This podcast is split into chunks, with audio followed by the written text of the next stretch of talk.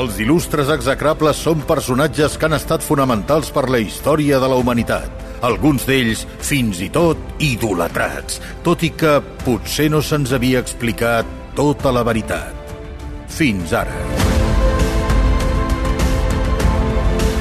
Malcom Otero i Santi Jiménez estripen el record que tenim d'aquests il·lustres execrables i ens mostren la seva cara més fosca. I en aquest episodi, Pilar Primo de Rivera. Au village sans prétention, j'ai mauvaise réputation. Je me démène ou que je reste quoi, je passe pour un je ne sais quoi. Parlem de la primera condesa del Castillo de la Mota, gran cruz imperial de las flechas rojas, presidenta de las celadoras de la Real Asociación Católica para la represión de la blasfemia, íntima amiga de gent com Mussolini, Hitler o Oliveira Salazar, tre, les tres bessones, i en definitiva parlem de Maria Pilar Primo de Rivera i Sáenz de Heredia, coneguda per tothom com Pilar Primo de Rivera. Échame una mano, prima, que viene mi novia a verme. Estoy tan nerviosa no sé qué destino ponerme. Échame una mano, prima, Això? que viene A veure, Eh, prima de Rivera. Ah, prima, eh? prima, que això... És no sé que Pilar va tenir el món per echar una mano a totes les primes, les Vale, germanes, vale. les senyores en general. Bueno, poc importa, com deia el Santi, que ella mai es casés. I menys mal, Menys mal que no es va casar. perquè la història relacionada amb el seu possible matrimoni és per jugar-hi cadires, eh? Ja, ja ho veurem. Ella estava al món per ensenyar a les espanyoles com comportar-se. Però és que, com es diu en castellà, de casta le viene al galgo. Ella provenia d'una família bastant acostumada a dir la gent el que havia de fer. A veure, era filla de Miguel I de Rivera, el dictador d'Espanya i aspirant a Mussolini de Hacendado, i germana de José Antonio Primo de Rivera. Presente! Prou, home, de por que feu. Home, això es deia abans, Sí, sempre. ja ho sé, ja ho sé. No.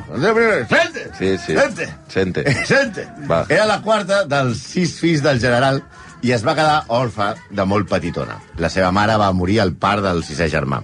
I el papà, general, que estava molt ocupat anant de putes i fent cop d'estat, no va entendre massa l'educació dels seus fills. Ella tenia una germana bessona anomenada Àngela, que va morir quan tenia 5 anys de serrampió. I així que ella va créixer una mica de la mà de Déu amb un ambient castrense. Pels de l'ESO, és un quartet militar. Sí. I va créixer, i no és res d'allò de, de, que tall, de catamasculin. Castrense vol dir militar. No, té res a veure amb l'altre. A, a masculí no ho he entès molt bé. Vinga. Va. Sí, això també, sí. Jo també els hi parlo com si, fossin, com si haguessin llegit un llibre. Va créixer idolatrant el seu germà, que a part de molt guapo, José Antonio era molt... Presente, era, Això molt, era molt guapo, també era, eh, com a cap de la família, i un emprenedor. Un En- entrepreneur. Entrepreneur. Tan entrepreneur que va fundar la Falange. I a ella, amb la seva, o sigui, la Pilar, amb la seva germana Carmen, cap allà, a la Falange, van anar per apuntar-se. Doncs, d'entrada, no els hi va sortir bé. No. Mira que els partits polítics accepten a tothom, sense preguntar res. I a la Ah, Falange imagino que més. passi, passi, passi. Eh, són una mica com la legió estrangera. Eh? Tant se val que hagis fet mentre paguis la quota, si has fet coses malifetes, si has matat algú, no importa. Vostè entri, entri. Vostè entri, vostè entri. Però mira tu, que José Antonio, presente, Sent! va rebutjar la sol·licitud de la seva germana Ah, sí? per entrar a Falange. No les va deixar entrar. I això que totes dues van anar al míting fundacional del partit, que, per cert, es va celebrar al Teatro de la Comèdia de Madrid. Oh, que és que, no, és que el que no passa a aquest país... Home, está muy bé que montis... No, voy a montar un partido político. ¿Y dónde lo montamos? Teatro de la Comedia. En el Teatro de la Comedia. O sigui, que no passi a Espanya és meravellós. Resumint, la situació és la següent. El seu pare és un general fatxa que munta un cop d'estat i organitza una dictadura de Chichinabo que fracassa perquè al dictador li agrada més el conyac i les putes que l'ordre i la sacrosanta unitat d'Espanya. El teu germà munta un partit, la Falange, que es presenta en societat al Teatro de la Comèdia i no et deixa ni que t'afiliïs. La teva vida no va massa bé, reina. Sí, però finalment, José Antonio va acceptar amb condicions l'ingrés de la seva germana al moviment. No la va deixar entrar a Falange, però la va colar mitjançant el Sindicato Espanyol Universitari, el famós SEU. I finalment, el 1934, s'organitza de manera oficiosa la secció femenina de la Falange. Quedeu-vos amb aquest nom i recordeu a les vostres àvies. La fundació d'aquest engendre, no obstant, va portar problemes. Hi havia una competència ferotge entre senyores fatxes, eh? eh una mica com entre... Us en recordeu? Cospedal i Soraya Sánchez de Santa Maria. Per aconseguir eh, manar el PP. Però, però aquesta a lo bèstia.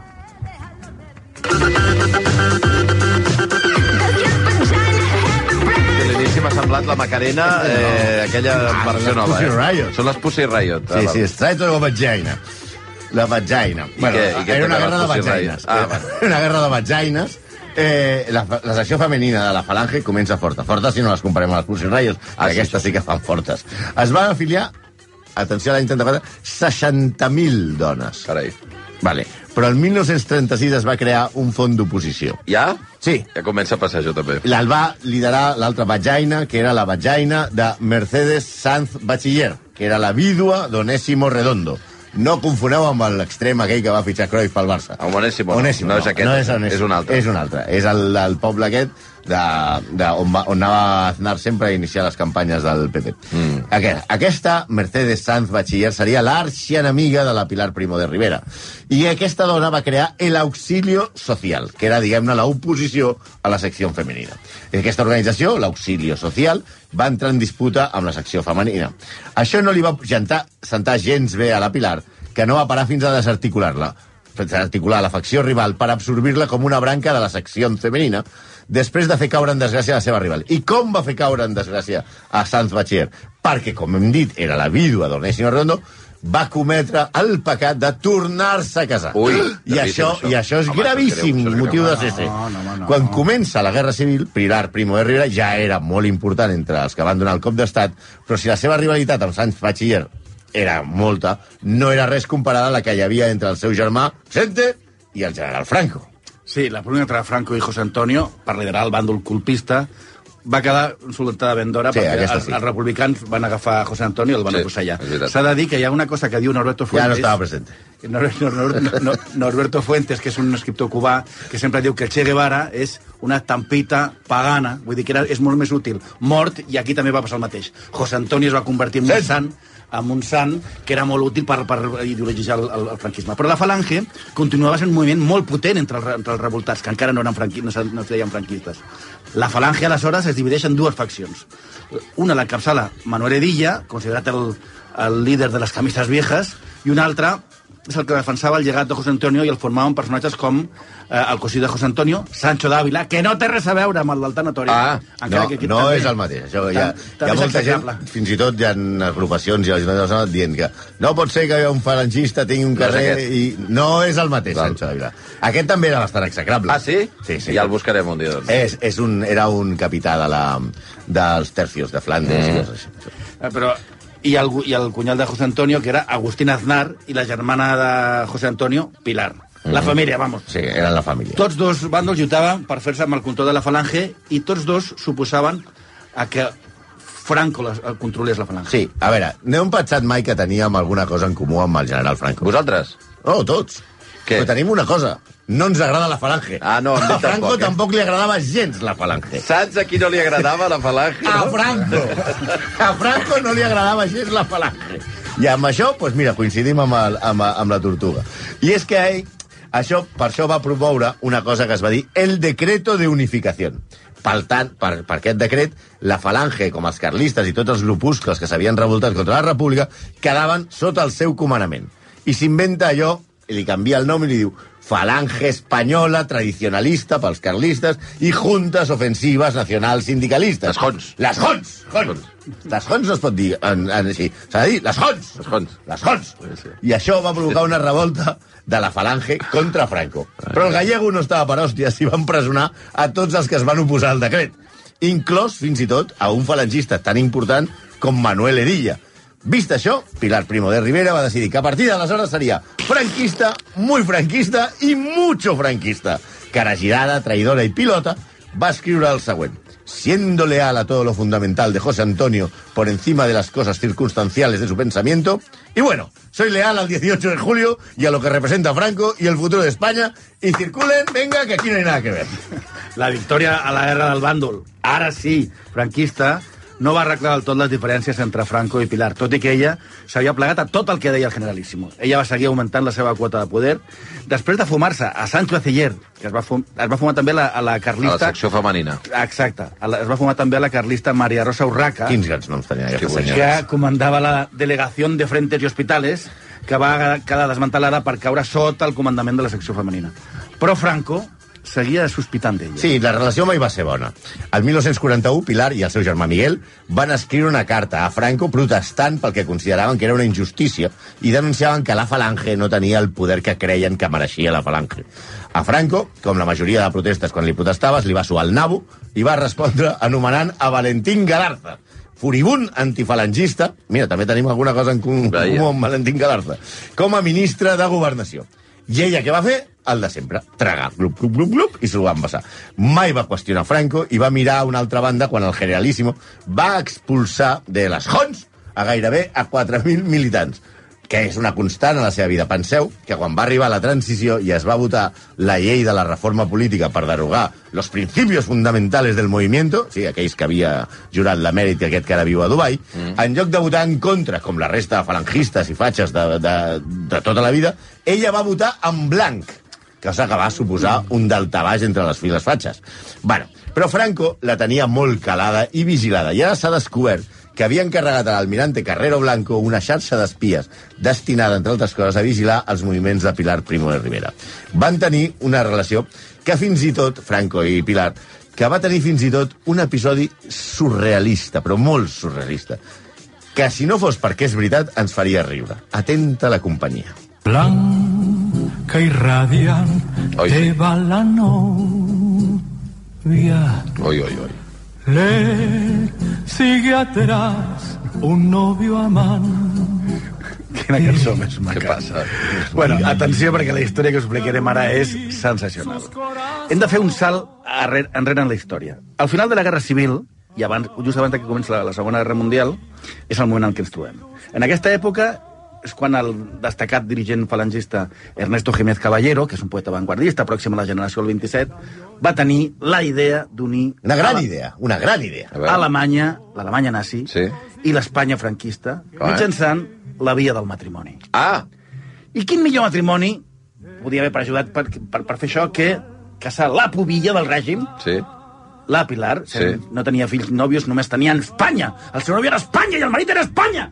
I amb qui el volia casar? Amb Adolf Hitler. Hosti. Impressionant, sí senyor, sí amics. Aprofitant que Pilar era una ferma admiradora de Hitler, era un Adolf Believer de manual, i acostumava a fer viatges a Alemanya nazi, on acostumava a alternar amb la panda de los cinco, formada per Goebbels, Rüdiger, Axmann, Scholz King i von Faupel, acollia, també acollia delegacions a Madrid de les joventuts hitlerianes i fins i tot va conèixer en persona el Führer, el que la va obsequiar amb un gerro de flors vermelles i grogues Ui. i un retrat seu dedicat de la seva pròpia mà. Ui. Aleshores, veient que aquí hi havia un tilin-tilin que, Ai, ai, ai, que Hitler es posava tot torrón quan veia la Pilar, hi havia tensió. sí, a la, tenia, era el seu crash, Mhm. diguem-ne, no? Com ho dirien ara. Eh, Ernesto Jiménez Caballero no se li acudeix una altra cosa que anar a Weimar a sopar amb Goebbels i la seva dona Magda per proposar el següent. A veure, s'havia de parlar primer amb el Vaticà, que estava molt interessat en que el nazisme es tornés catòlic, per tal d'arreglar, així, una boda entre Adolf i Pilar. Queridos amigos, Adolf y Pilar os comunican que contraerán matrimonio en el Valle de los Caídos, bla, bla, bla, bla, bla. D'aquesta manera es convertiria, i això cito textualment, segons la idea de Jiménez Caballero, amb l'emperadriu del Reich. La relació no va quallar. Ja, Vaja.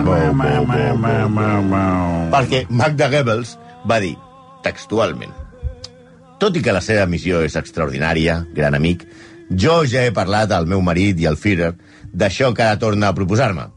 I seria possible si no fos perquè Hitler té una ferida de bala a un dels seus genitals des de la Primera Guerra Mundial que el va invalidar per sempre. És impossible perquè no hi hauria continuïtat ni descendència. Vaja. Vaja. És a dir, que abans de casar-se amb Pilar Primera Rivera, Hitler es va fotre un tret a un colló. No, no, que no funciona, que no Per funciona. favor, per favor. Contigo no, bicho. Per favor. Y para que quede claro, Per favor. me pego un tiro en un huevo. No, tot, tot i rebre carbasses, Pilar va seguir sent una ferma admiradora del, del Reich. Eh? Quan al 43 Espanya va decidir retirar retirar-se del, del front de la divisió, divisió Azul, Primo de Rivera es va posar com una mona i va declarar que allò era una traïció a Alemanya i a la Falange. I quan José Luis Arrese va declarar a la premsa internacional que Espanya no era una nació No, totalitària... que va, que va, que va. ella es va mostrar molt disgustada. Com que no és una nació totalitària? Eh, no obstant, fidel a la seva manera de fer, anys després va renegar tot això i, que, i qualsevol vincle amb els nazis dient que és una mentira vincular la figura de José Antonio con el nacionalsocialismo alemán para demostrar falsamente un entendimiento que jamás hubo. Y es que daba tan pancha la señora, ¿eh?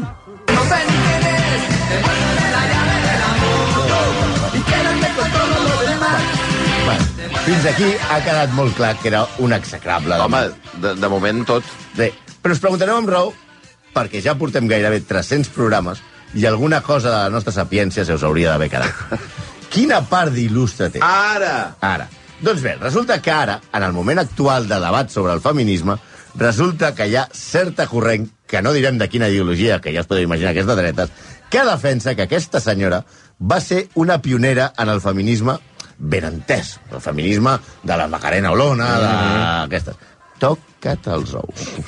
Sí, sí, les vostres àvies, o no sé, potser les àvies, us ho podrà explicar millor que nosaltres. Però, bàsicament, aquests que la consideren il·lustre feminista consideren que amb la secció femenina Pilar Primo de Rivera va fer moltes coses bones per les dones de l'època.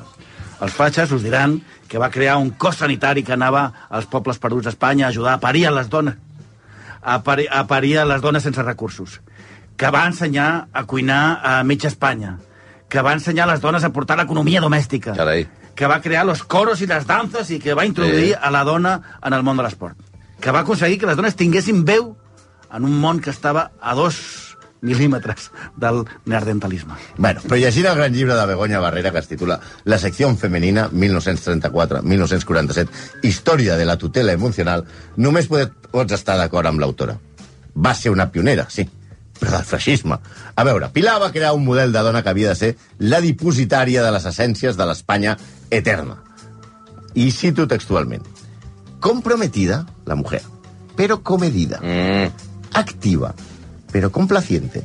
Y decidida, però sumisa. Vaja. Penseu que qualsevol règim dictatorial aspira a la homogeneïtat dels individus i individues que l'integren.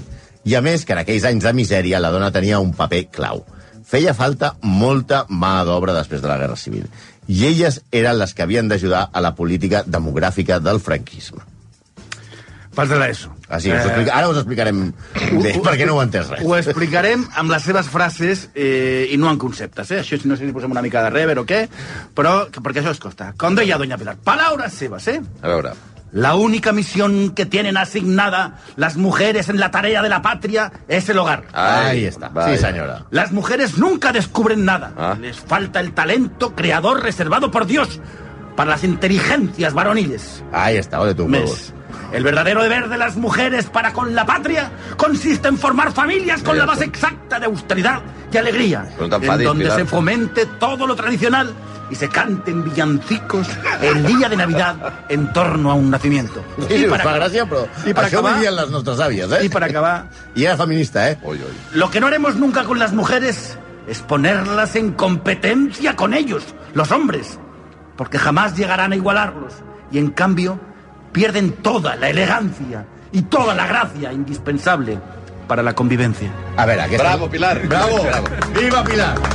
Gràcies. Aquesta és la feminista que reclamen alguns i que va tenir fa poc una polèmica perquè un projecte, que això té ous, entre la Universitat de Barcelona, la Fundació del Banco de Santander i la Universitat d'Exeter, a Gran Bretanya, la va incloure en un projecte sobre dones pioneres, al costat de gegants, gegantes, com Hildegard Rodríguez, Carmen Laforet, Mercedes Pinto, Carmen Conde o Pepita Pardell que òbviament no sabeu qui són, però ja us ho explicarem un altre dia. Ho busqueu a la Wikipedia. A més, i això em toca per la part esportiva, Què? la seva única contribució a l'esport femení va ser, que va ser aconseguir que les noies no fessin natació vestides, cosa que sembla bastant lògica. Què vols dir? Fins que ella Ah! es tiraven a la piscina vestides. Vestides, amb la roba com de carrer, diguem-ne, no un banyador. Quan va veure que de l'equip de natació s'ofegaven sis, va dir, "Hòstia, igual, igual els hi posem un trajo a bany. I aleshores, perquè considerava que a les piscines els homes no podien veure els cossos de les Clar, dones. clar, clar, clar. Aleshores, el que va aconseguir va ser que fessin el trajo a bany, però que els homes no poguessin entrar a les piscines. Va. Mira, com a Qatar. També, mira, una mica... Pilar seria feliç a Qatar. I, per cert, va ser ella, els que diuen que va portar l'esport, va prohibir durant 20 anys que les dones fessin atletisme a Espanya.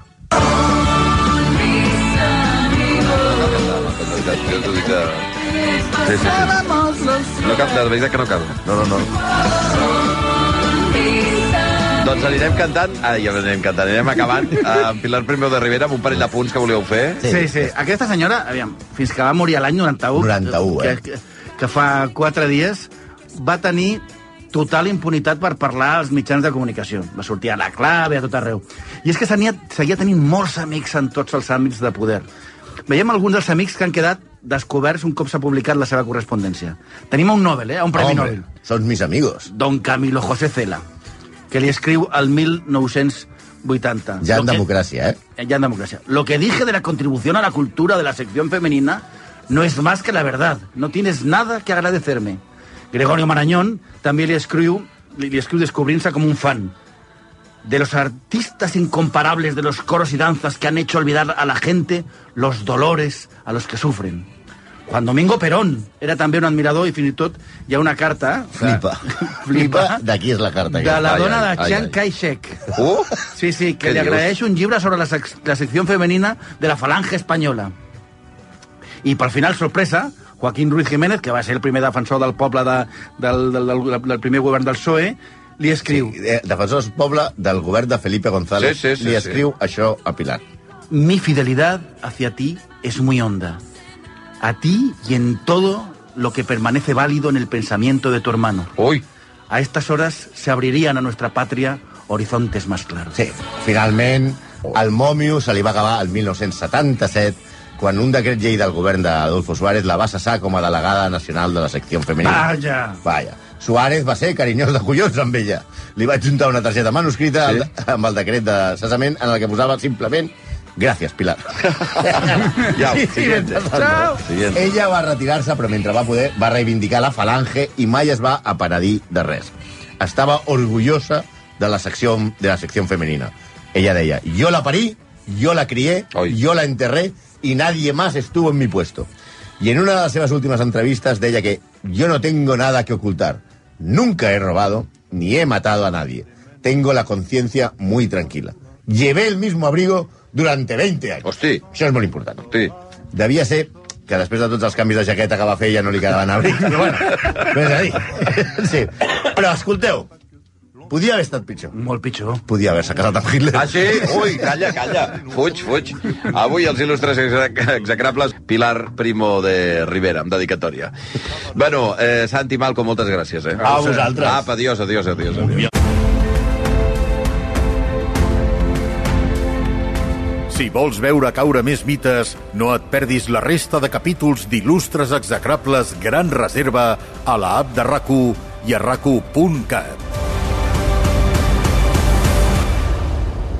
Il·lustres execrables és una secció habitual del programa Via Lliure amb Xavi Bundó.